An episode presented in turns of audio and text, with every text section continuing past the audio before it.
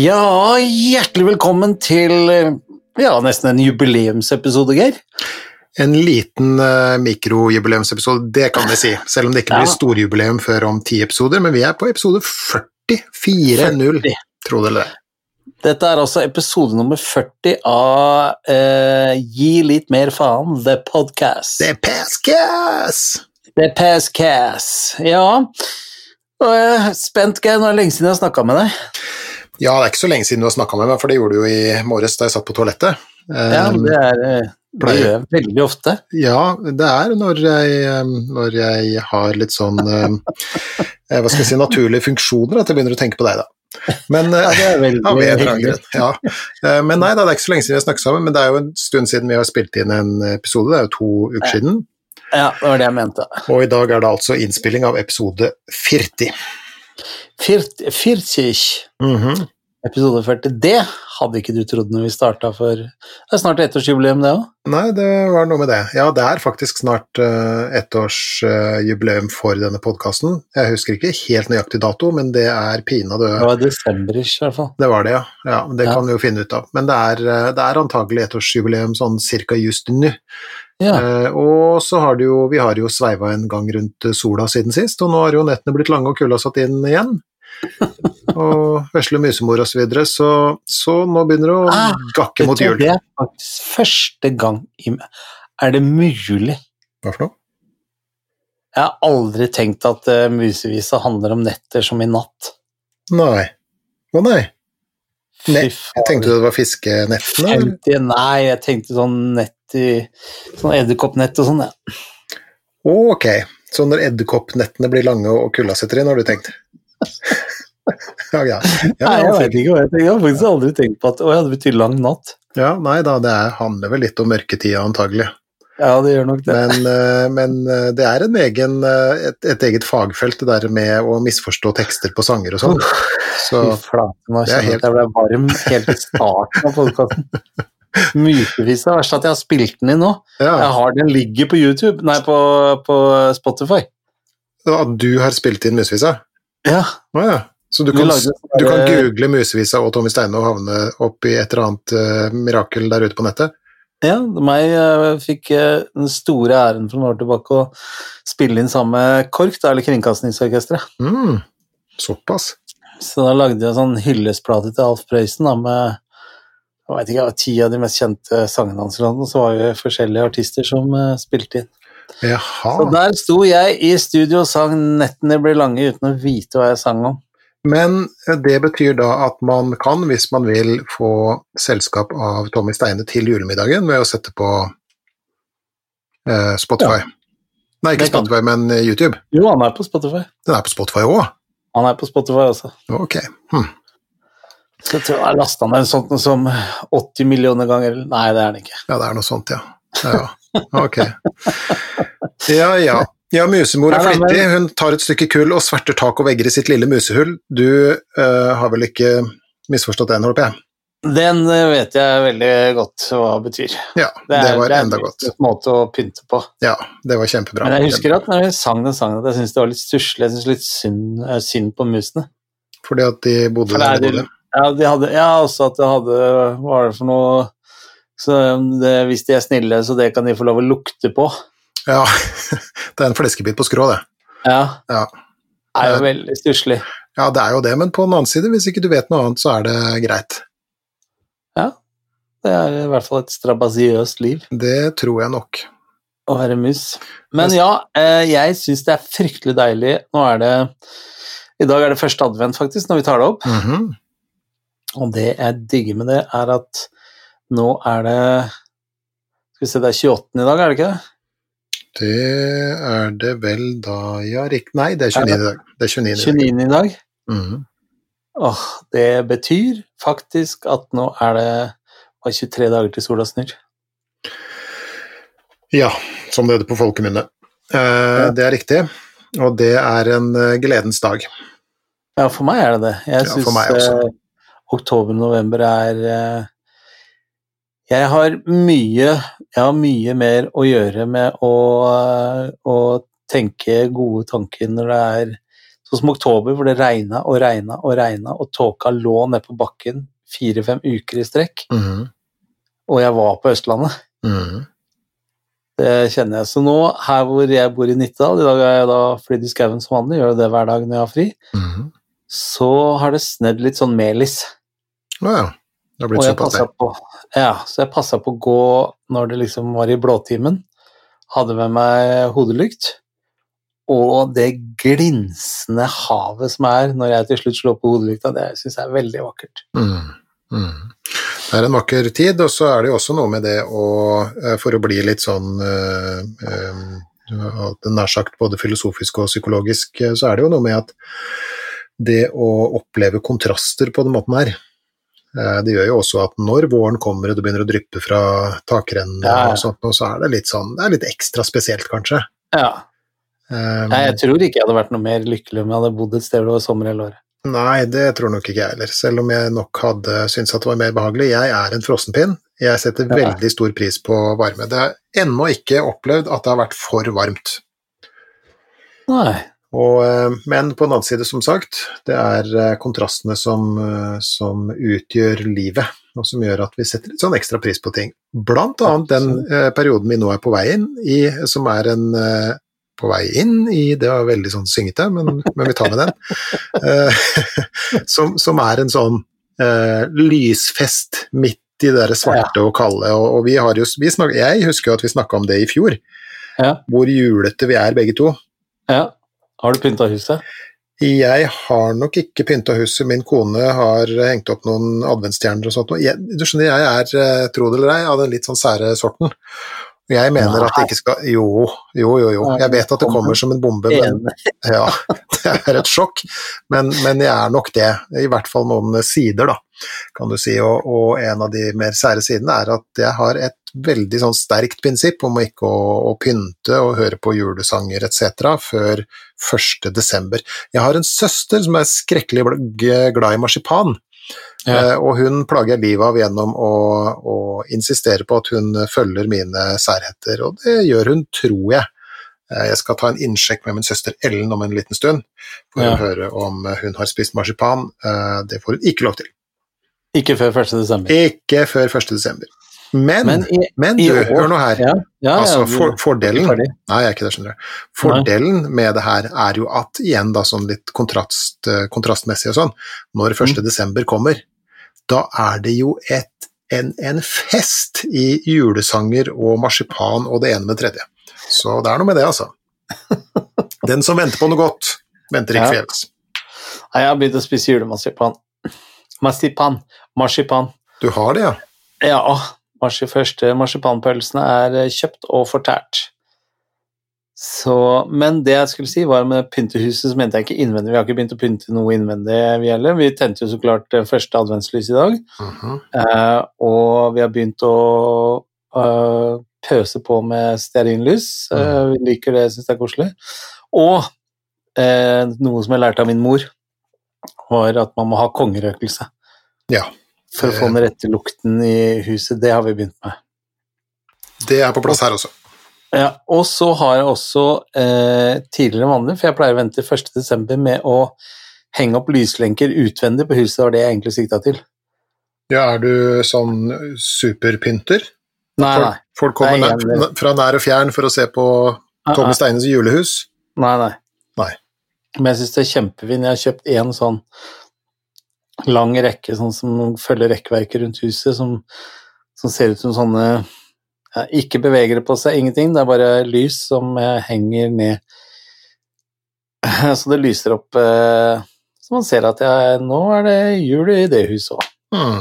Men er det da eh, gule lys, eller er det sånne rød og blå og grønne og sånt som blinker rundt? Det hadde jeg hatt bobilen her, så skulle jeg kanskje hatt det. Men eh, dette huset her har Det er hvite lys. Mhm. hvite ledninger, uh, og det er sånne lys som henger ned fra en lenke, så det skal liksom se ut som sånne is... Uh, altså det henger i forskjellige lengder, da. Oh. Det er veldig, veldig fint. Ja. Ta bilde av det og sende til deg. Ja, gjør det. Gjør det. Kanskje du kan ta bilde av det, så kan du legge det ut et eller annet sted. Det kan vi gjøre. Vi kan legge ut. Man skal Eh, være ekstra interessert da, vet du. Ja, ja, det er kanskje noen. Mm. Men det er noen hus i gata her som er helt rå. Som det er sånn at vi faktisk går turer nå for oss å se. Som har tatt og pynta alle Altså de har, følger liksom alle vinklene på huset og garasjen og gjerdet. Ja. Og oppblåsbare snømenn og reinsdyr på taket og skiftende lys og lyd og sånn lysbilder på veggen. Å du verdens land og rike. Ja. Hva tenk, hva tenk, hva, men Ja. ja, jeg skulle til å spørre, hva tenker du om slikt? Nei, jeg syns det er kjempeharry, men samtidig syns jeg det er dritkoselig. Ja, det er et eller annet sånn fascinerende ved det, altså, det skal sies. Selv om jeg jo kan styre meg. Eh, Men, eh, men når det først er så gærent, så er det veldig, eh, veldig fascinerende å se på. Ja, og så tenker jeg det er noen som bruker For jeg stoppa han ene var ute med hunden sin og kom ut av porten, så spurte jeg han Han er ikke den som er aller mest, men kanskje tredje eller fjerde mest i gata her. Mhm. Og så spurte jeg hvor lang tid han har brukt. Så han nei, det var ikke lang tid, det var maks en tre-fire timer han brukte på å henge opp dette. Mhm. Og da tenker jeg sånn Dæsken døtte, han har brukt tre-fire timer av livet sitt for å henge opp lys, sånn at vi som går forbi, skal bli fascinert. Mm. At det skal lyse opp litt i den mørke tiden. Ja. Og i år så tror jeg folk begynte en uke eller to for tidlig pga. korona. Jaha, hva, hva er det som gjør at de var Nei, det ble oppfordra et eller annet sted til at vi kan starte tidligere, sånn som mørketiden ble lyst opp tidligere enn vanlig. Og driver viruset på flukt. Ja. Ja, men det er hyggelig. Det er hyggelig. ja. Vi, vi, vi støtter den, men vi støtter ikke uh, spising av marsipan før 1.12., altså. Klask på lanken til Tommy. Men uh, utover uh, smugspising av marsipan, har det skjedd noe spesielt siden, uh, siden sist? Har jeg det, ja, gitt. Um, ja, jeg har jo Jeg jobber jo fælt med dette her strabasiøse opplegget vårt. Jeg syns det er veldig spennende. Er det lov å si at du driver og ser deg rundt etter et egnet øh, sted? Ja, jeg kan, si at, jeg kan godt si at drømmen min er at jeg en gang skal kunne ha et lite småbruk. Mhm. Så jeg har begynt å titte litt på det. Det er jo klart, jeg har jo ikke, noe, jeg har jo ikke råd til det nå i disse tider, men det er fullt lov å begynne å drømme og planlegge. Og prøve på å skrive konseptet, så jeg har laget faktisk en liten Facebook-side også. Mhm. Bare sånn for å teste om folk syns dette her er noe interessant eller ikke. Hva, hva heter den? Overveldende respons. Du store tid. Ja, Hva heter denne siden? hva heter den? Det strabasiøse liv heter den. Ja. Så det er et konsept du kunne tenkt deg å, å hatt øh, på den måten, at du kunne dratt folk til gards. Ja, Ja. Jeg kunne godt tenkt meg at vi eh, eh, hadde sånne helger eller eh, halvuker eller hva det heter for noe sånt. Nei, langhelg er det fra torsdag Mm. til søndag. Mhm. Med litt sånn, litt sånn digital detox og sånne ting som vi har snakka om her i podkasten. Mm -hmm. At vi Jeg kan tenke meg at folk kommer, og så er det i tre-fire dager, og så er det ikke lov med mobiltelefon eller PC eller klokke eller noe som helst. Eh, og så gjør man masse sånn eh, Hva heter det for noe? Back to basic, har du noe godt norsk ord for det? Tilbake til røttene.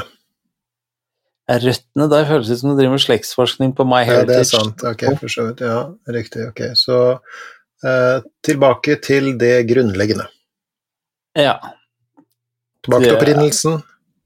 ja. Det høres ut som du skal tilbake i livmora, men greit nok. ja.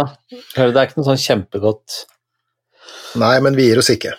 Nei, vi, vi skal fortsette å jobbe med den, og kom gjerne hvis du som hører på har noe godt forslag til back to basic eh, på norsk, så tar vi det imot med glede. Det gjør vi. Så er det jo noe paradoksalt at du oppretter en eh, Facebook-side for eh, noe som er litt sånn antimoderne, men, men man, må tute, Ja. man må tute med de ulver. Kjedebrev er jo så Man vet aldri når det stopper.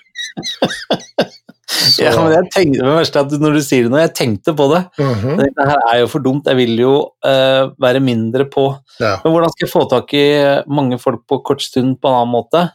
Nei, det må være megafon på Lillestrøm torg, da. Ja, Men da blir det jo veldig dårlig utvalg. ja men jeg tenker sånn her, hvis man kan, hvis man kan etablere Sånn at man blir mange som melder til hverandre på nettet, og så møtes man. Mhm. Og da er det minst mulig digitalt. Mm -hmm. Så tenker jeg at da skal man ikke være eh, helt eh, analog 24-7 365 dager, men man er det flere dager i løpet av et år enn det man ville vært uten. Mm, høres ut som et eh, godt eh, konsept. Ja. Og ingen hashtagger fra gården din, med andre ord. Ikke ennå, jeg har faktisk ikke kommet opp med noe navn på hva jeg skulle eventuelt kalt den gården heller. Mm, mm, Jeg har lyst til å ha sånn kult navn på den også. mm, Linda kom med noen forslag, min kjære vakre samboer. mhm. Hun syntes at Gnist hadde vært bra. Eh, Jeg tenker på Jeg tror en gammel sånn tømmergård som heter Gnist, det er ikke, er ikke veldig. Ja, jeg vil gjerne ha med egen brannvarsler, da. Eller hva med Fristedet gård? Ja, ok, fristedet går, ja. Ja, Det høres litt som fristaden Kristiania også. Vi må Ja, nok ja. antagelig diskutere det litt nærmere. Ja, men det er, så, sånne ting syns jeg er veldig spennende å holde på med. Da. Og så har jeg begynt å lese bøker og Jaha. Altså, ikke bøker ikke, Jeg har ikke begynt å lese bøker, men jeg har begynt å lese bøker litt mer. Flere folk som snakker om dette her, da, med det strabasiøse og det å bygge opp eh, resiliens og motstandskraft og Mm. Det finnes jo masse folk der ute som har tenkt før meg Å oh, ja, absolutt. Absolutt. Så Det er jo et, eh, et, eh, et velkjent begrep. Ja. Som man forsøker å finne noe mening, eh, mening i og, og definisjon av og, og sånt. Og det er jo mange som, som forsker på det feltet med, med resiliens. Både dette med hadde jeg nær sagt medfødt resiliens, og så er det noen, noen medfødte faktorer som er ute og går, og også om dette går an å, å tilegne seg da, underveis. Og Ja. trene opp resiliensen. Det har vi snakka om i forbindelse med dette strabasiøse liv som man også snakka om på særlig århundreskiftet, 1800-1900-tallet. ja, det var der det begynte, når vi snakka om det. Mm, mm, For da liksom uh, frøet ble sådd hos meg. mm, mm. Og jeg visste faktisk ikke at resiliens var et norsk ord engang. At det heter på norsk også. Nei, nei, det er et av disse. Vi har jo hatt det som sånn ukens ord. Ja. Motstandskraft. Jepp. Mhm, Nei, så det har jeg drevet med, og i den eh, forbindelse så har jeg jo da fortsatt å gjøre disse her Nå Da fikk jeg til og med med min vakre Linda, min vakre datter Hedda, opp i skauen her i timevis eh, tidligere i uken, hvor vi hadde med oss steikepanner og tente bål og satt der i mange timer rundt Mm. bål og lagde mat og snakka sammen. mm. Så bra. Fantastisk hyggelig. Ja. Anbefales på det sterkeste. Det høres ut som en, eh, en god um, halvstrabasiøs og, og, og antiteknologisk ting. Jeg har ikke fått kjøpt meg noen Donald-blader ennå, det har jeg ikke. Det har du ikke. Leser du bok på Nei. toalettet, eller? Ja, Så, og magasiner. og magasiner. du, Ja. du verden. Glansende magasiner. Bonytt. Nei, men jeg får jo sånn på grunn av at eh, jeg er slik av en pilot av og til, Oh. så får jeg sånn Flynytt i posten. SAS-magasinet. Nei, det er Flynytt heter det, så er, der er det masse Den eh, Ja, er det noen nye fly for tida, da? Ja, det er nye fly hele tiden, men det er jo et eh, magasin for alle oss som uh, syns aviation er spennende. Mm. Der er det alt fra alle fly som blir registrert, til masse reportasjer, fly til salgs, on so weiter, on so weiter. Mm. Så um, Nei, det, det er det som blir lest på do nå. Ja, så bra. Utmerket. Og du, da? Nei, det er Snakker du om do- dovannene mine? Nei, nå snakker jeg om er det noen strabasiøse ting de har gjort de siste to ukene, Vigg, til? Ja, som sagt, bare det å stå på morgenen er jo strabasiøst nok, særlig i denne Ja. mørke og kalde tiden.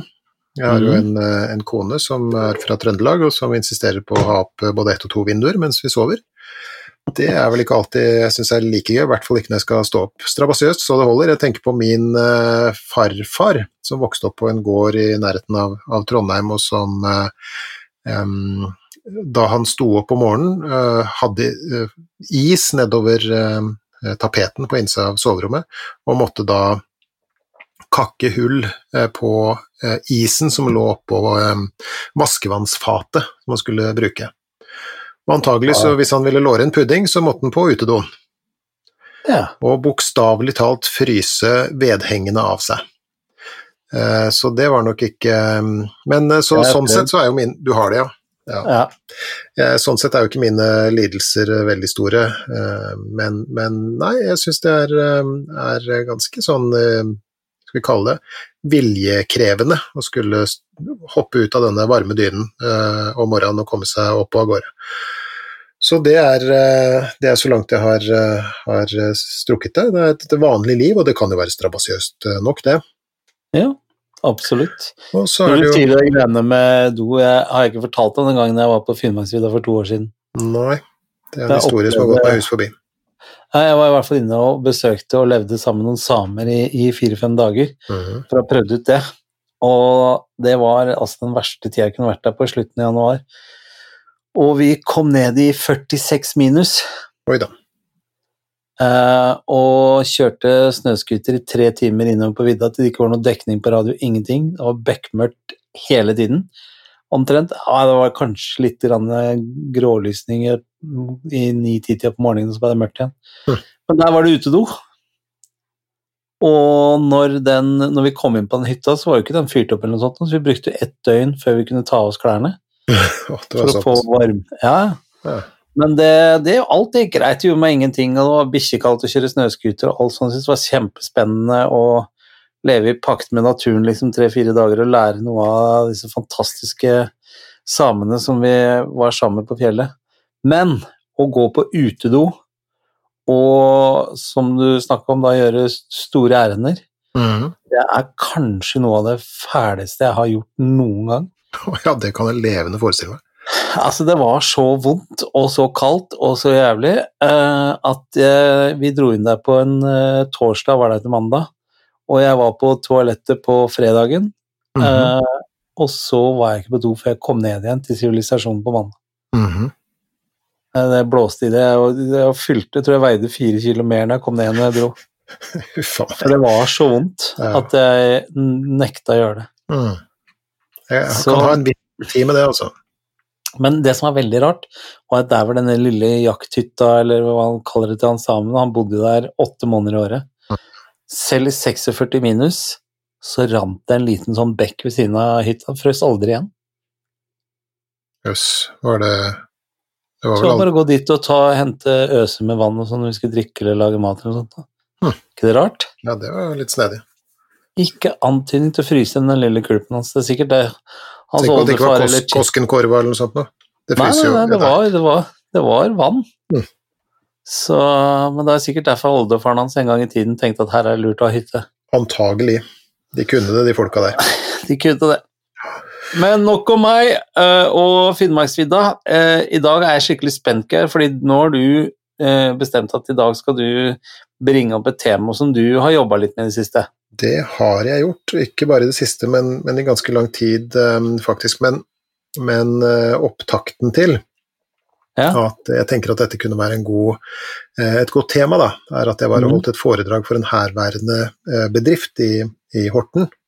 Mm. Veldig hyggelig gruppe med folk ekstremt interesserte. Det var veldig sånn pussig, egentlig, på mange måter å, å holde live foredrag. Det var jo selvfølgelig med alle koronaregler intakte intakt og sånt noe, men, men det å ha folk å se i øynene istedenfor det alt det der Teams og Zoom og, og alt det vi Ja, driver med for tida, det satt lys levende folk i et rom og, og hørte på foredrag og, og, og snakka og spurte og kommenterte, og det var en fest, altså. Men um, det, ehm, det som var eh, skal vi kalle det, tema i, i foredraget Disse folka jobber jo med å få folk i jobb. Å ja. Eh, og eh, en av eh, Eller et tema som, som de var interessert i, var dette med det vi kan kalle psykologiske myter. Er det sånn at myter, det. ja, er det sånn at vi går rundt og bærer på noen eh, myter, eller kanskje til og med halvsannhet om menneskelig fungering, som kan være Mm. til hinder for oss i, i hverdagen, fordi at de har blitt en slags sånn eh, sannhet, da. Ja. Så det tenkte jeg at vi skulle eh, snakke om i dag. Noe av foranledningen til det også var at, at eh, for eh, noen uker siden så, så fikk jeg da publisert en kronikk i noe som heter, eh, hos, eh, hos noen som heter velferd.no.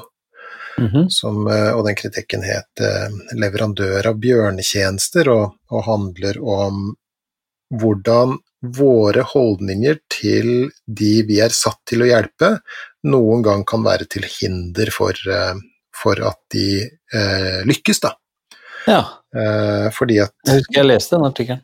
Ja, og, og noen ganger så kan man hjelpe litt for mye. Og det var opptakten til, til det hele, og dette med, med psykologiske myter osv. Så, videre. så jeg tenkte at vi skulle eh, se litt på eh, Kall det sånn eh, psykologisk-kulturelle eh, halvsannheter og myter i dag. Syns du det høres greit ut? Ja, jeg, kjenner at jeg ikke helt eh, veit hva du snakker om. Mhm, mhm. Eh, psyk, hva sa du nå? Psykologiske Myter. halvsannheter og myter? Ja, ja. Om okay, det er ting vi går rundt og tror om Ja, men det er om det er ting eh, vi går rundt og tror om, eh, om psykologien vår og menneskelig fungering som kanskje ikke er helt riktig, da. Ah, så- sånn, ja. Så kan det jo være sånn at dette er uh, grunnlag for, for um, uh, hva heter det, diskusjon også. Mm. Men vi skal se hvor, hvor langt vi kommer. da. Vi skal tenke litt underveis her. sånn at det er ikke sånn at dette er en eller annen form for uh, fasit, men vi skal prøve å finne ut av ting. Hva tenker du om det? Nei, jeg tenker at det blir veldig begjæret når du sier 'vi skal tenke'. Mhm, det skal vi. Ja. Så du skal spille inn og spørre og kommentere akkurat som du vil i dag, så skal vi, skal vi som sagt finne ut av det. Ingen spørsmål er for dumme. Absolutt ikke. Det finnes ikke dumme spørsmål. Utelukkende idiotiske svar. Ja. Ja, Det syns jeg er en veldig grei, forutsetning for, eh, for denne episoden. Jeg skal gjøre mitt aller beste for ikke å komme med idiotiske svar. Da må jeg bare sånn så skal jeg bare ha en penn.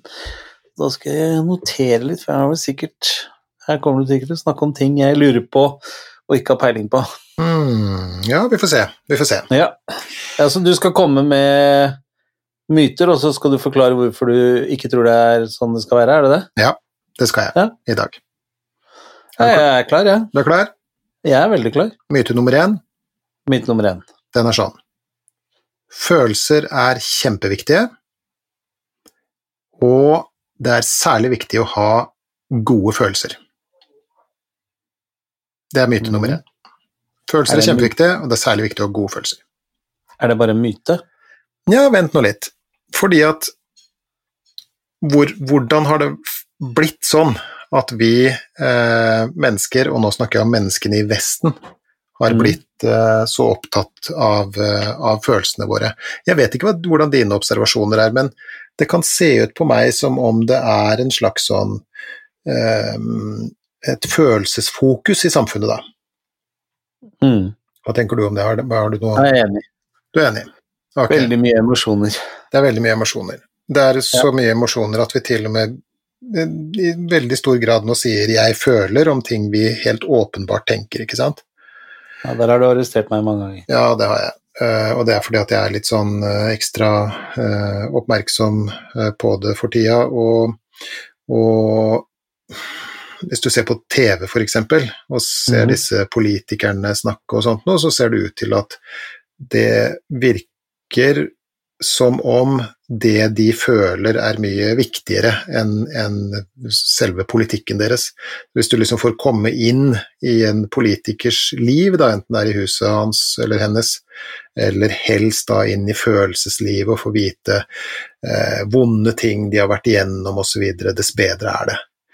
Eh, og da er jo spørsmålet hvordan Hvis det er sånn, kan Mm. godt tenkes at jeg tar feil her, men hvis det er sånn at vi har blitt litt sånn i overkant følelsesfokuserte, eh, og da er det jo som sagt det vestlige samfunnet som vi tilhører, jeg, snakker om, hvordan har det blitt sånn? Mm. Ok, så da skal vi da tilbake til 1600-tallet. Vi er jo litt glade i å bevege oss i eh, forskjellige eh, tidsaldre. Absolutt. Vi har snakka mye om eh, det før. Mm. Men på 1600-tallet så er det en eh, britisk eh, filosof som heter John Locke, eh, som eh, har en del sånn kloke tanker. Og en av de tingene som han eh, eh, hva skal vi kalle bærer til torgs, da, Mm. er det han kaller naturrettsprinsippet. Og hva er det for noe? Jo, det er komplisert for så vidt, men, men i kjernen av det så ligger dette med at absolutt alle mennesker, i kraft av bare å være født og være menneske, har en grunnleggende verdi, og dermed også rettigheter, nettopp i kraft av det å være folk, da. Ja. Og dette, denne medfødte verdien og de medfødte rettighetene, de eh, ligger som et sånt prinsipp eh, i vårt samfunn den dag i dag. Trosfrihet, ytringsfrihet, rettssikkerhet osv. Det skriver seg fra dette filosofiske eh, prinsippet, og det er også nedfelt i f.eks. sånne ting som FNs eh, menneskerettigheter, ikke sant. Mm. Og Alt dette kommer derfra? alt dette kommer derfra, eh, og har selvfølgelig blitt eh, videreutvikla og vært igjennom politiske prosesser og av og til religiøse prosesser og det ene med det tredje, ikke sant. Men, men, eh, men det kommer eh, grunnleggende sett eh, derfra. Og det er så nedfelt i vår, eh, vår eh, hva skal vi kalle det, da, eh, demokratiske praksis, at selv han derre gærningen på den øya den gangen, eh, eh, som, som drepte ja, både ungdommer og, og, og andre, Og Utøya? ute, ja. ja, ble, og, og regjeringskvartalet, ikke sant. Han ble Ja. da behandla som et menneske av rettssystemet. I gamle dager så hadde han kanskje blitt dratt ut på gata og, hengt opp i et uh, tre eller noe sånt, men det ble han ikke. Han ble behandla både med respekt og, med, med, og, og gitt eh, grunnleggende rettssikkerhet. Da. Får en forsvarer osv. Alt det her stem, stammer derfra. Så kan man tenke at det er eh, et gode at vi mennesker i Vesten blir sett på. Dette er eh, i, ja, i hvert fall i alle skal vi se jo, alle europeiske eh, stater som jeg kan komme på i farta, i hvert fall, så er dette et Mm. prinsipp. ja. Individet er med andre ord eh, viktig. Så kan man også, hvis man strekker det enda lenger, tenke at det stammer fra Altså at det har enda dypere røtter, da. Og at det stammer f.eks. fra eh, kristendommen, hvor individet løftes fram som viktig i form av historien om Jesus, ikke sant? Og hans eh, lidelser og offer osv. Men det kan tenkes at vi i våre dager, og det er nå vi begynner å bevege oss litt mot sånn mer sånn, eh, skal vi kalle det spekulasjoner og, og gjettinger og sånt, men det er jo også visse ting som tyder på Jeg vet ikke hva du tenker om det som jeg skal si nå, men, men, men hør på det her. Ok. I og med at vi har hatt individet i mange hundre år som det høyeste prinsipp på et vis, da? Mhm. med de medfødte verdier og rettigheter osv., så, Mhm. så kan det også tenkes at det kan ha noen bivirkninger. For eksempel i form av den individualismen som vi ser i, i eh, Vesten i dag. Hvor du ikke bare har, eh, som sagt, verdier og rettigheter, men hvor du er eh, helt spesiell, og at du, ja, i verste fall, da, krever at alle andre ser deg på den eh, måten også vrengebildet på det, eller hva skal vi kalle det, par, nærmest parodien på denne individualismen, er jo det vi kan kalle selfie-kulturen. Eller Mm. selvbildekulturen, som du kanskje ville kalt det. Jeg syns det var et ekstremt godt eh, begrep å komme med. Sjølbilde, ja.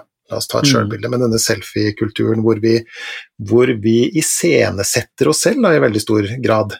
Hvor vi opptrer, og vi får uh, sosiale poeng i form av uh, likes, Likes, og, ja. og, og sånt noe. Individualisme innbyr jo på mange måter til et selvfokus, og selvfokus er nødvendigvis ikke alltid av det gode. Det er det i hvert fall ingen tvil om. Nei, det tenker du også. Ok, Ja. bra. Men hvis vi ser på andre kulturer enn den vestlige, da, for Ja. dette er også noe av det som har fått meg til å begynne å reflektere over disse uh, tingene, blant Mm. annet gjennom å høre på vår gode venn uh, Jordan Peterson, som snakker en god del om disse tingene her, sånn. Mm. Eh, blant annet i denne boka som man kaller Maps of Meaning, ikke sant? Mm. Men hvis vi ser på andre kulturer, da, så er det jo sånn at, um, at um, man mer La oss si f.eks. Japan, som er et godt uh, eksempel. Så ser det ut til at der er det mer det kollektivistiske synet på, på, på ting. At vi er deler i et samfunnsmaskineri, og at vi er viktige på den måten at det skal få samfunnet til å gå rundt. Mm. Men at, at, det er samfunnet som står i sentrum, versus det at individet står, står i sentrum, ikke sant. Husker du den der, Noe av de tingene som fikk meg til å tenke ekstra på det her, var jo, var jo det som skjedde i forbindelse med den tsunamien som var. Ja, og dette atomanlegget, og det var en forferdelig katastrofe. Men noe av det som slo eller som var mest sånn derre Ja, kall det slående, da, uh, i mm. ettertid, var jo det som skjedde etter katastrofen, hvor hjelpearbeidet begynte å komme i gang. Mm. Fordi at det man så, var japanere som sto i kø eh, med stor grad av disiplin, og det var ikke noe trengsel eller noe sånt noe, men da, da sto de da og delte ut um, ullpledd og, og, nødpakker med mat og, og, sånne ting. Og det var ingen slåsskamper, ikke noe sånt. Alle sto i kø, og det var disiplin fordi at man skjønte at eh, dette gjaldt hele samfunnet, og, og her gjaldt det å, å, å tøyle eh, trangen til å skulle berge seg selv framfor andre, da. Mm. I New York Hva sa du? Da har du jaggu rett, jeg har ikke tenkt over det før. Nei, ikke sant. Det, det var litt sånn uh, var ganske sånn påfallende, for, i hvert fall med, med vestlige øyne.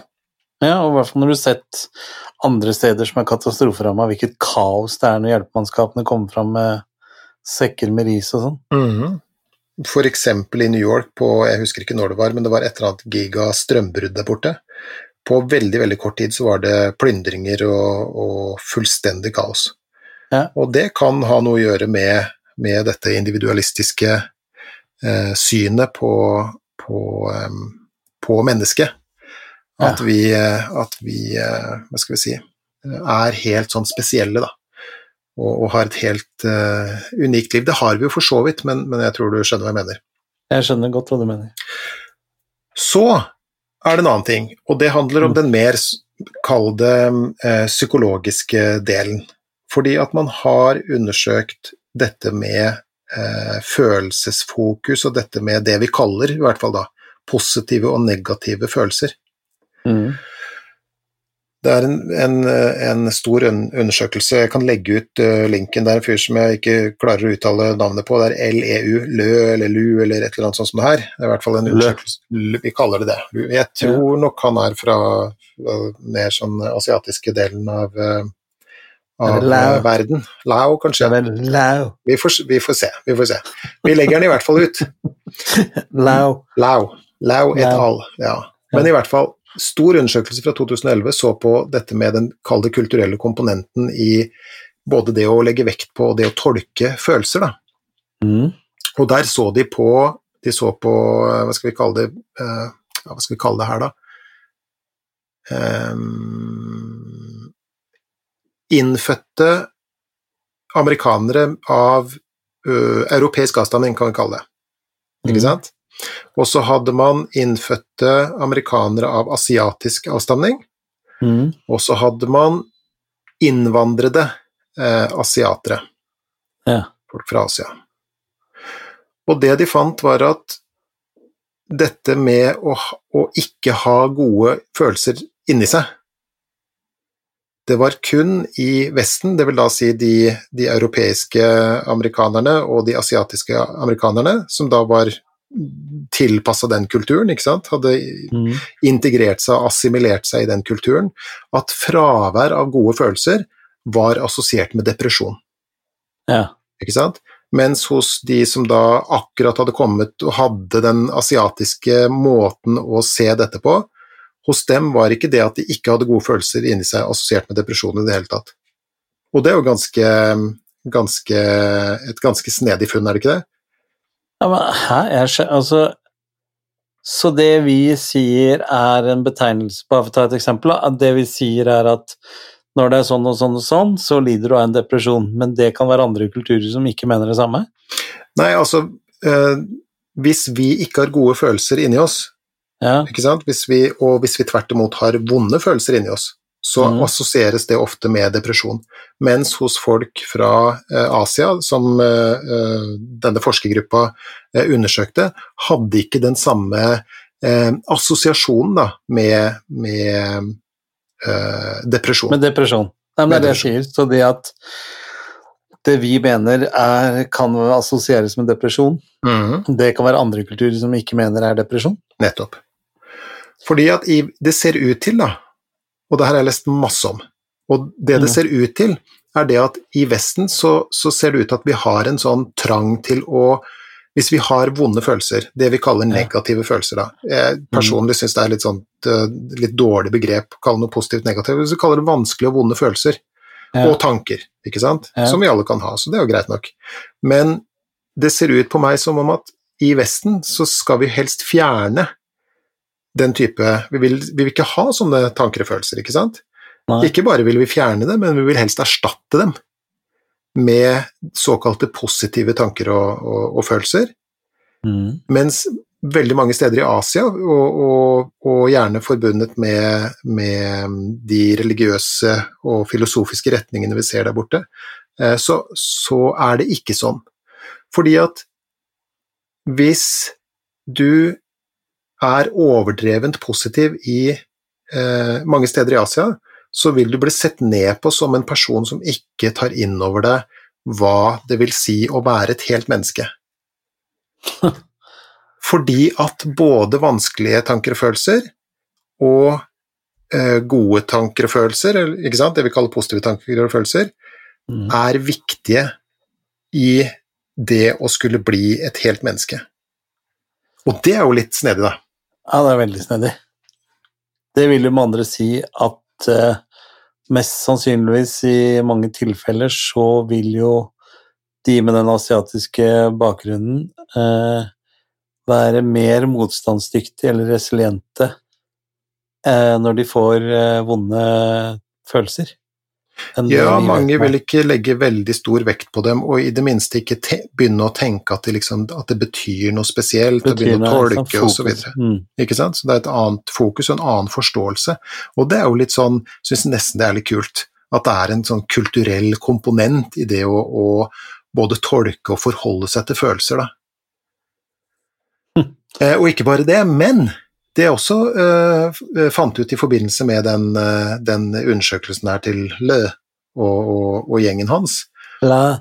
ikke sant? Altså dette, Ja. med, dette med å ha gode følelser inni seg, Mm. det er assosiert med I Vesten så er det assosiert med god helse og suksess osv., mens Mm. mange steder i Asia så det å ha, gå rundt med gode følelser inni seg er assosiert med at andre kan bli misunnelige og sjalu på deg, og dermed så kan det få negative sosiale konsekvenser at du, er, at du har det veldig fint.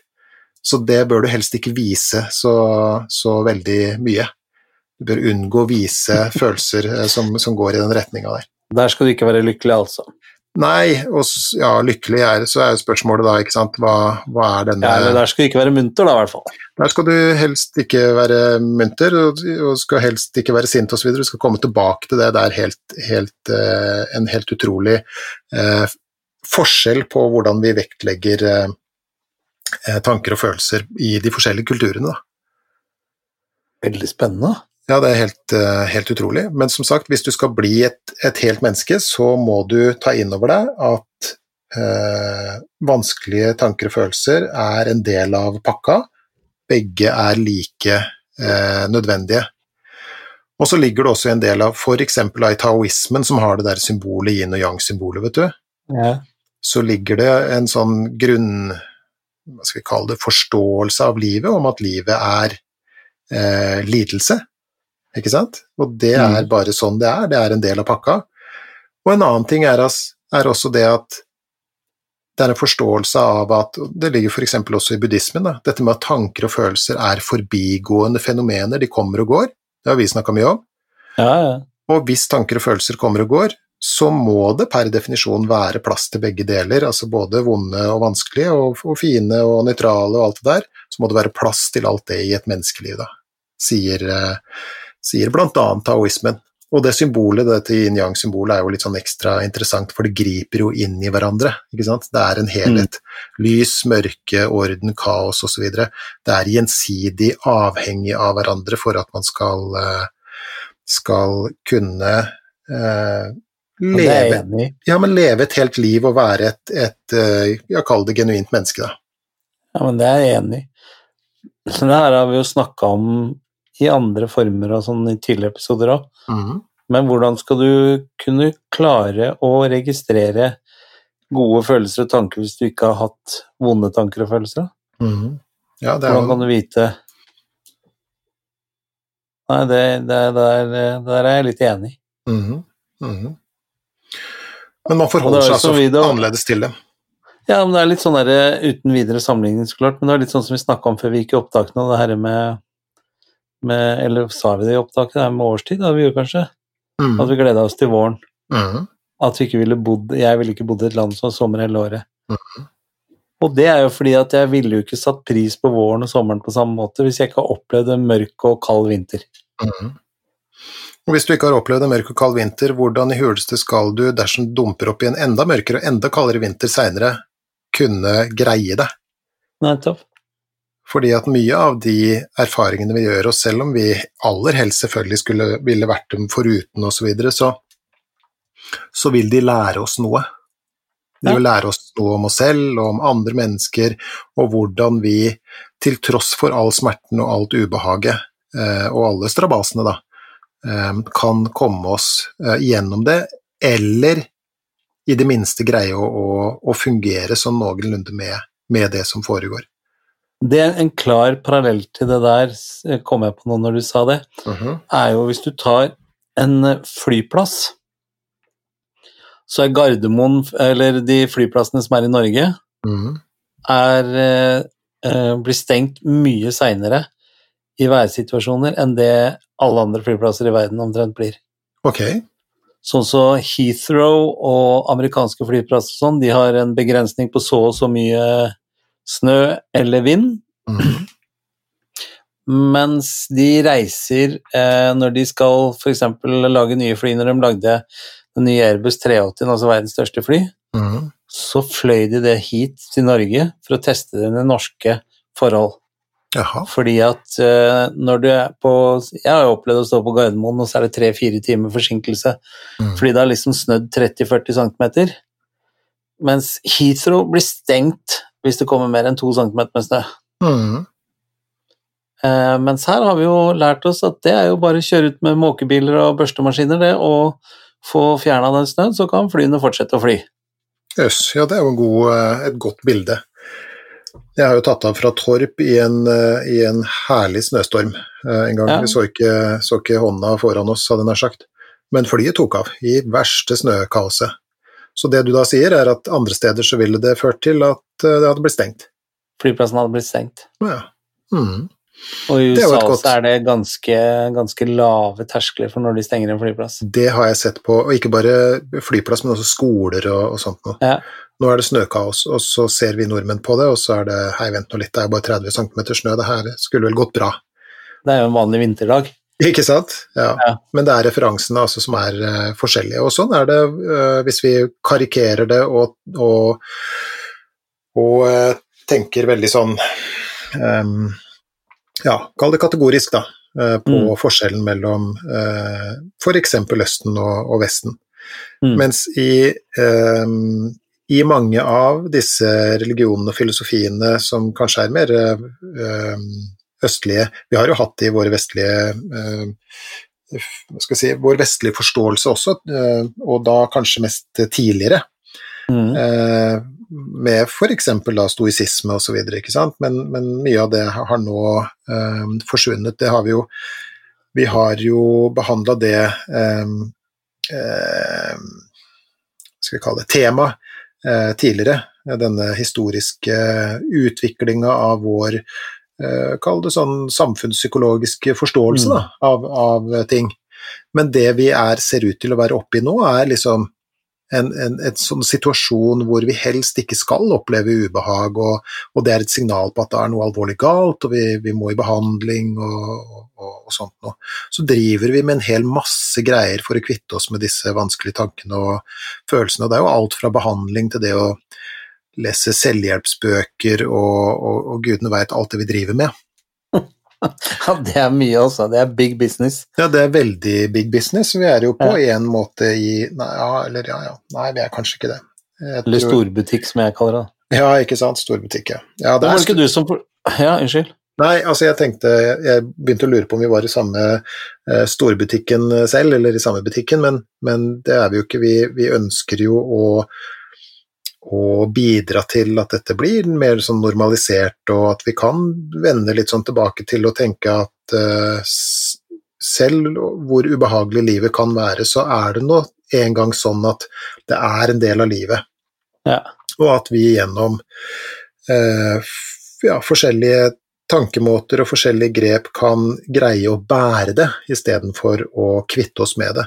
Men som sagt, det her er virkelig eh, storbutikk, og en av de sånn halvvitsene Det er litt dumt å si det til en komiker, da, men, men en av de tingene som jeg pleier å, å snakke om, er jo dette med eh, Altså, hvorfor slipper aldri eh, terapeuter opp for jobb, og, og, hvorfor selger selvhjelpsbøker så godt? Og, årsaken til det er jo at fordi at det grunnleggende sett liksom ikke virker.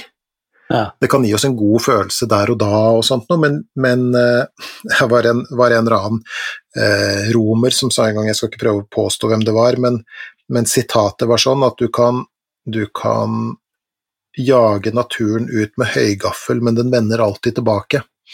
Og sånn er det litt med Sånn er det litt med tanker og følelser også. ikke sant? Vi kan godt mm. gå til en, en, terapeut og få god hjelp, og, og sånt, men, men, så skjer det et eller annet. For at mm. livet går opp og ned, og følelser kommer og går, og, og relasjoner eh, kommer og går, og, og, vi kan bli syke, og all verdens ting kan skje, og så er vi litt sånn tilbake i ubehaget igjen, da.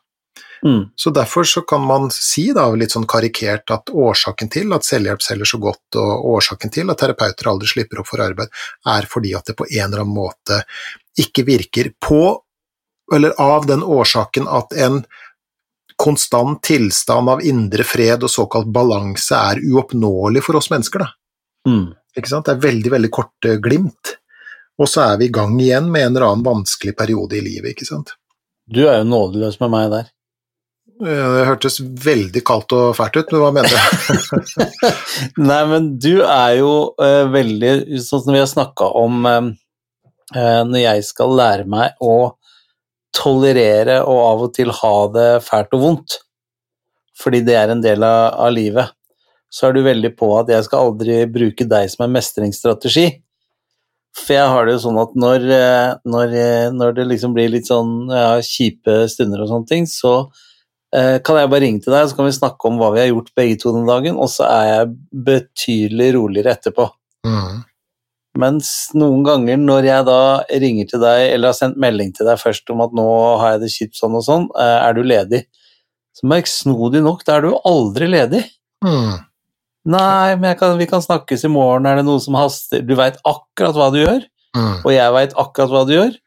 Og det er at eh, jeg skal komme meg gjennom det greiene der aleine, ikke med å bruke deg som mestringsstrategi. Mm. Ja, det er jo helt riktig. Ja. Fordi at uh, vi kan bruke mye som, uh, som mestringsstrategier, alt fra jeg vet ikke uh, tabletter til alkohol, og, og, vi kan gjøre oss avhengig av, av ting. Og, og, en av de tingene som ja, ja, det er jo noen behandlere som antagelig er sånn, og som tenker at de eller har lyst til å være litt sånn viktige, men jeg tenker at en av de aller viktigste tingene en behandler kan gjøre, er å gjøre seg selv overflødig.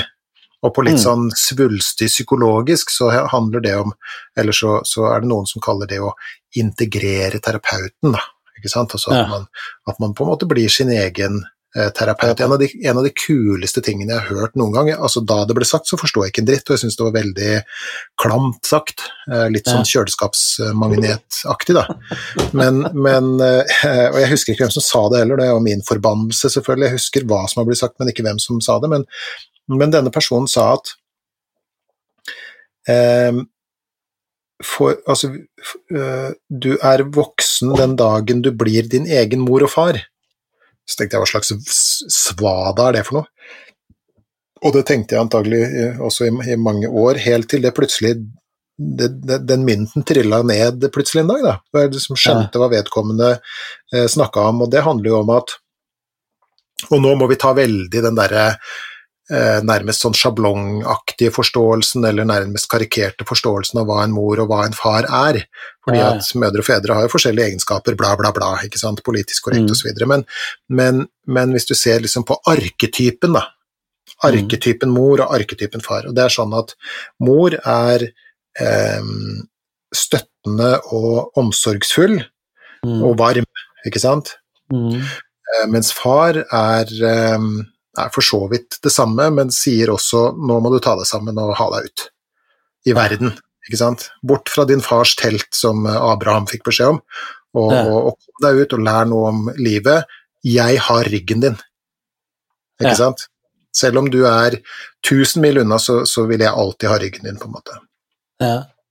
Og det vil da si at hvis du da integrerer eh, og blir din egen mor og far, da, da vil du være i stand til å ivareta deg selv på en psykologisk sunn måte, ikke sant, og gi deg selv Mm. omsorg, og si at vet du hva, ja, siden jeg har opplevd det og det, så er det kanskje ikke så rart at jeg reagerer sånn og sånn. Eller hvis du er ekstra sliten en dag, da, ikke sant, så, så kan du tenke at ja, men det er heller ikke så rart, fordi jeg har nå jobba knallhardt disse tre ukene, og, og da er det ganske normalt å bli sliten, og til og med kanskje å, å reagere med å være litt lei seg og, og, og sånt noe. Alle de tingene som kan si for å støtte oss selv på en ikke-sentimental og eh, eller ikke-sentimental måte som er til ulempe for oss selv, da, sånn at vi sykner hen i en sånn verden av ulltepper og tekopper, ikke sant? Så det du sier er at eh, jeg blir ikke voksen før jeg blir min egen terapeut. Ja, nei, ikke egentlig, for, for hør på det her. Nei, det ville vært litt eh, Det kommer litt an på terapeuten også, for så vidt. ja. Du vil ikke, ha, du vil ikke integrere den klamme terapeuten, men, men hvis, du, hvis vi tenker at du skal bli din egen mor og far, da, så, så har du da den sida, som handler om å Mm. ivareta seg selv eh, emosjonelt på en eh, ikke-klam måte. Ikke sant? Sunn måte. En sunn måte, en, en støttende og sunn og varm og god måte. Ja, Ja. men sånn er det nå, og det, og det er greit, og, og litt sånn.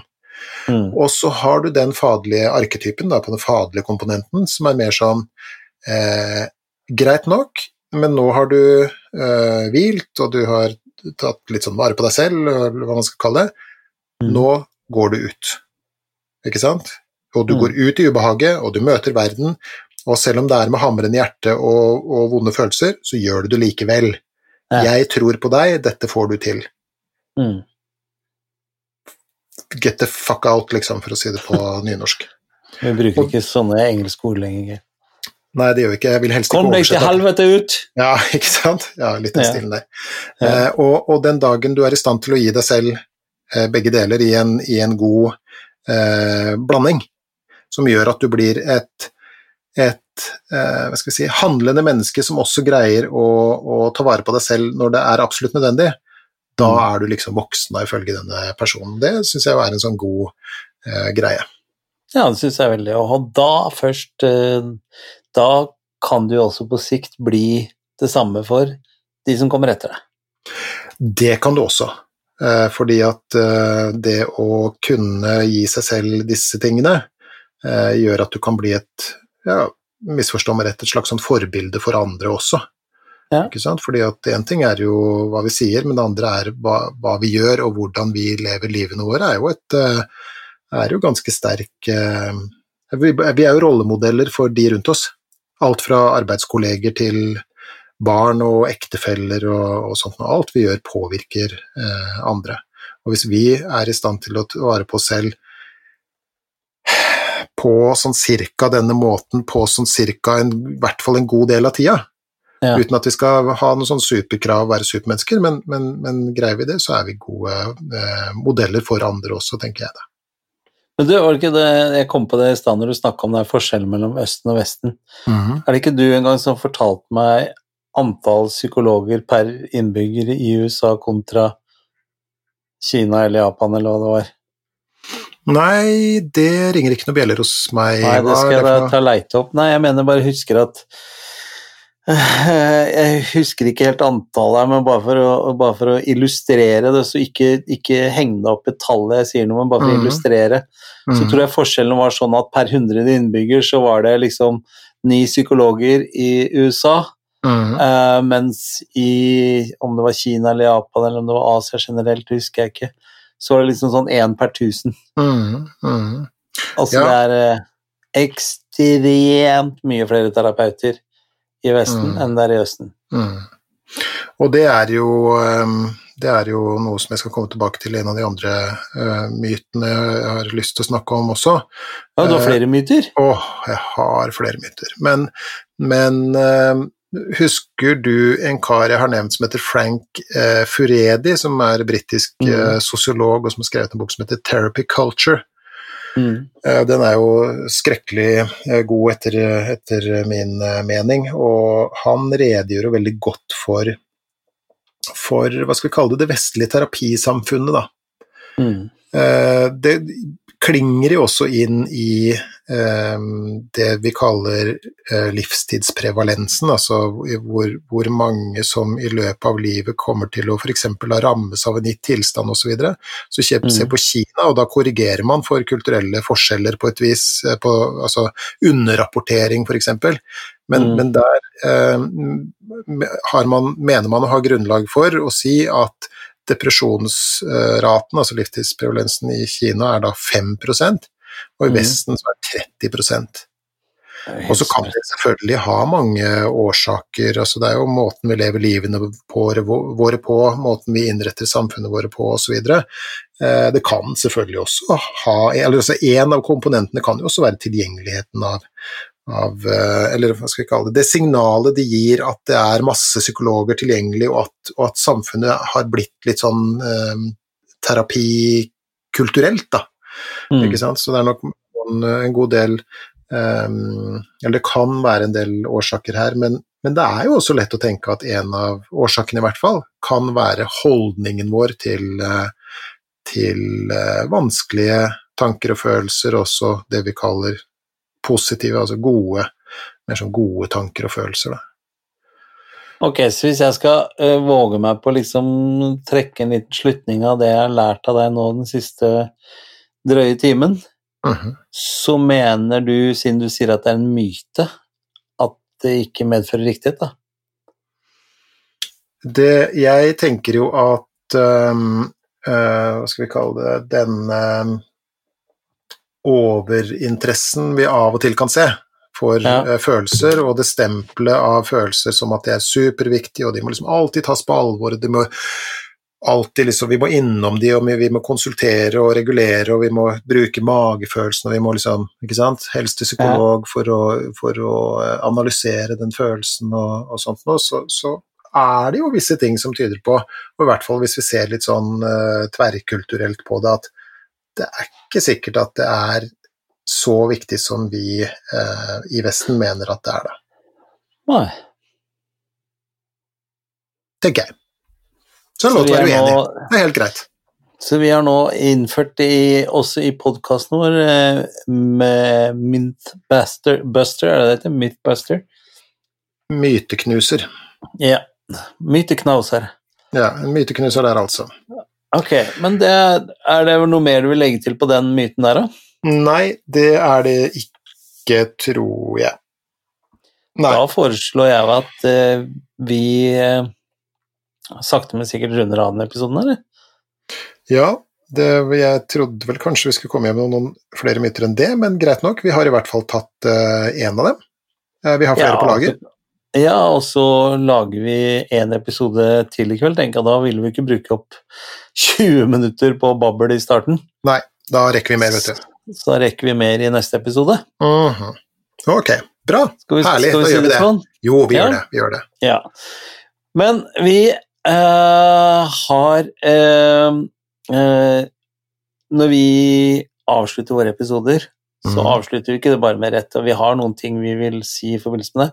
Ja. En av de tingene som jeg har lyst til å ta med i dag, her, som jeg synes er litt gøy, for jeg vet at du følger med på det også, Mhm. det er jo at vi sakte, men sikkert ser jo at vår podkast klatrer oppover på lister over eh, både antall lyttere og plasseringer på, på hvilke podkaster som, eh, som vinner bra score. Det det har du helt rett i, faktisk. Det er eh, ja, utrolig. Det er kjempeålreit. Og vi får stadig, eh, stadig eh, elektronisk post om, om det samme, med folk som er støttende, og folk som lurer på ting og vil kommentere og, og i det hele tatt. Så, så det er veldig, veldig gøy, altså. Virkelig. Så derfor så vil vår oppfordring på slutten av episoden være at uh, Å, unnskyld. Går det bra? Det går veldig bra. Jeg trakk pusten litt sånn feil. Det boblet Ja. litt. Et lite øyeblikk. Ja, lite boblings. A little bubble. Eh, Vi vil svært gjerne, hvis du som lytter på oss, kan være med å spre det glade budskap Mm. om podkasten vår, like oss der du kan, gi oss stjerner og anmeldelse der du kan. Og så vil vi svært gjerne at eh, du sender oss elektronisk post også. Mm. Og hvor skal de da sende det, Geir? Da kan de sende, og det handler om absolutt alt. Det er både ris og ros og spørsmål og i det hele tatt. Det er veldig mange som er interessert i metakognitiv terapi. Jeg fikk senest i Når var det, da? Går eller i forgårs, det husker jeg ikke helt. Eh, Den har jeg ennå ikke fått, uh, fått svart på, men det skal jeg gjøre hvert øyeblikk. Eh, Fra en ung herre som hadde en lengre eh, utgreiing om sin forståelse av eh, metakognitiv terapi, og man skulle tro at mannen hadde jobbet med dette temaet i ti år, for den var spot on. Og her da, ja, og her brukte jeg da tre år for å greie å forstå halvparten av det, så det var eh, veldig imponerende og litt irriterende. Men, men dette var en kar som virkelig hadde gjort researchen sin, altså. Eh, Så, Så all respekt til han, og jeg skal se, svare, svare han eh, hvert øyeblikk. Eh, Jeg gleder men meg til å høre deg lese den opp. ja, ja, ja. Eh, veldig bra. Men jeg tror ikke vi skal lese den opp på lufta, den nær sagt. Men, Nei, nei, men du får lese den til meg på privaten, da. Ja, ja, ja. Kjempe, Ja. Kjempegod e-post av denne herren. Ja. Men i hvert fall, hvis man ønsker å nå oss med noe som helst, så kan man sende et elektronisk brev til eh, Gi litt mer F at Mm. gmail.com. Gi litt mer F i ett ord. Ribberull.com. Nei, det har du ikke lov å si før 1. Den desember. så du ikke komme. Ja, men du har ikke lov å bruke det før 1. desember. Ja, men du skjønner at når folk hører det, så er det 2. desember. Oh, Got you there. You got me. Ja. Men Bra. det var kult. Der kom den. Der kom den. Ja. Nei, men da snakkes vi snart igjen, da.